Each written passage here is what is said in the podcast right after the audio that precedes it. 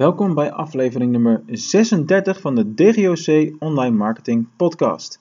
In deze korte aflevering krijgen jullie een aantal tips en tricks te horen in de vorm van een do en een don't van social media specialist Marjolein Bongers, tevens co-auteur van het boek Succes met e-commerce.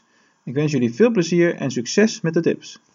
Hallo, ik ben Marjolein Bongers. Uh, ik heb het hoofdstuk social media marketing uh, geschreven in het boek Succes met e-commerce. Um, in het boek kun je voornamelijk het hoofdstuk Facebook en Twitter terugvinden. Pinterest en LinkedIn is online terug te vinden. En ik wil jullie heel even het korte wat tips uh, aangeven over Facebook. En dat is als je een fanpage hebt en je wil je fans bereiken, zorg dan voor goede content. Stel af en toe een vraag waar mensen op kunnen reageren.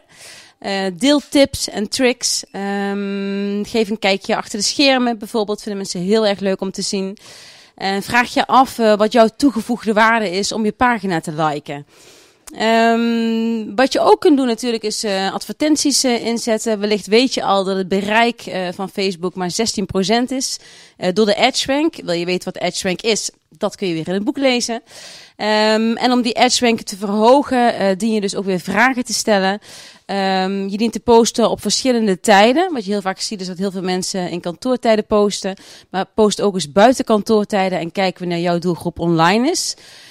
Um, dus uh, Facebook adverteren zou je kunnen doen. Uh, daar staat een heel klein stukje over uh, in een boek. Evenals Graph Search, de nieuwe functie van Facebook. Um, ik zou zeggen, neem een kijkje in een boek en neem een kijkje online. En ik wens jullie heel veel succes.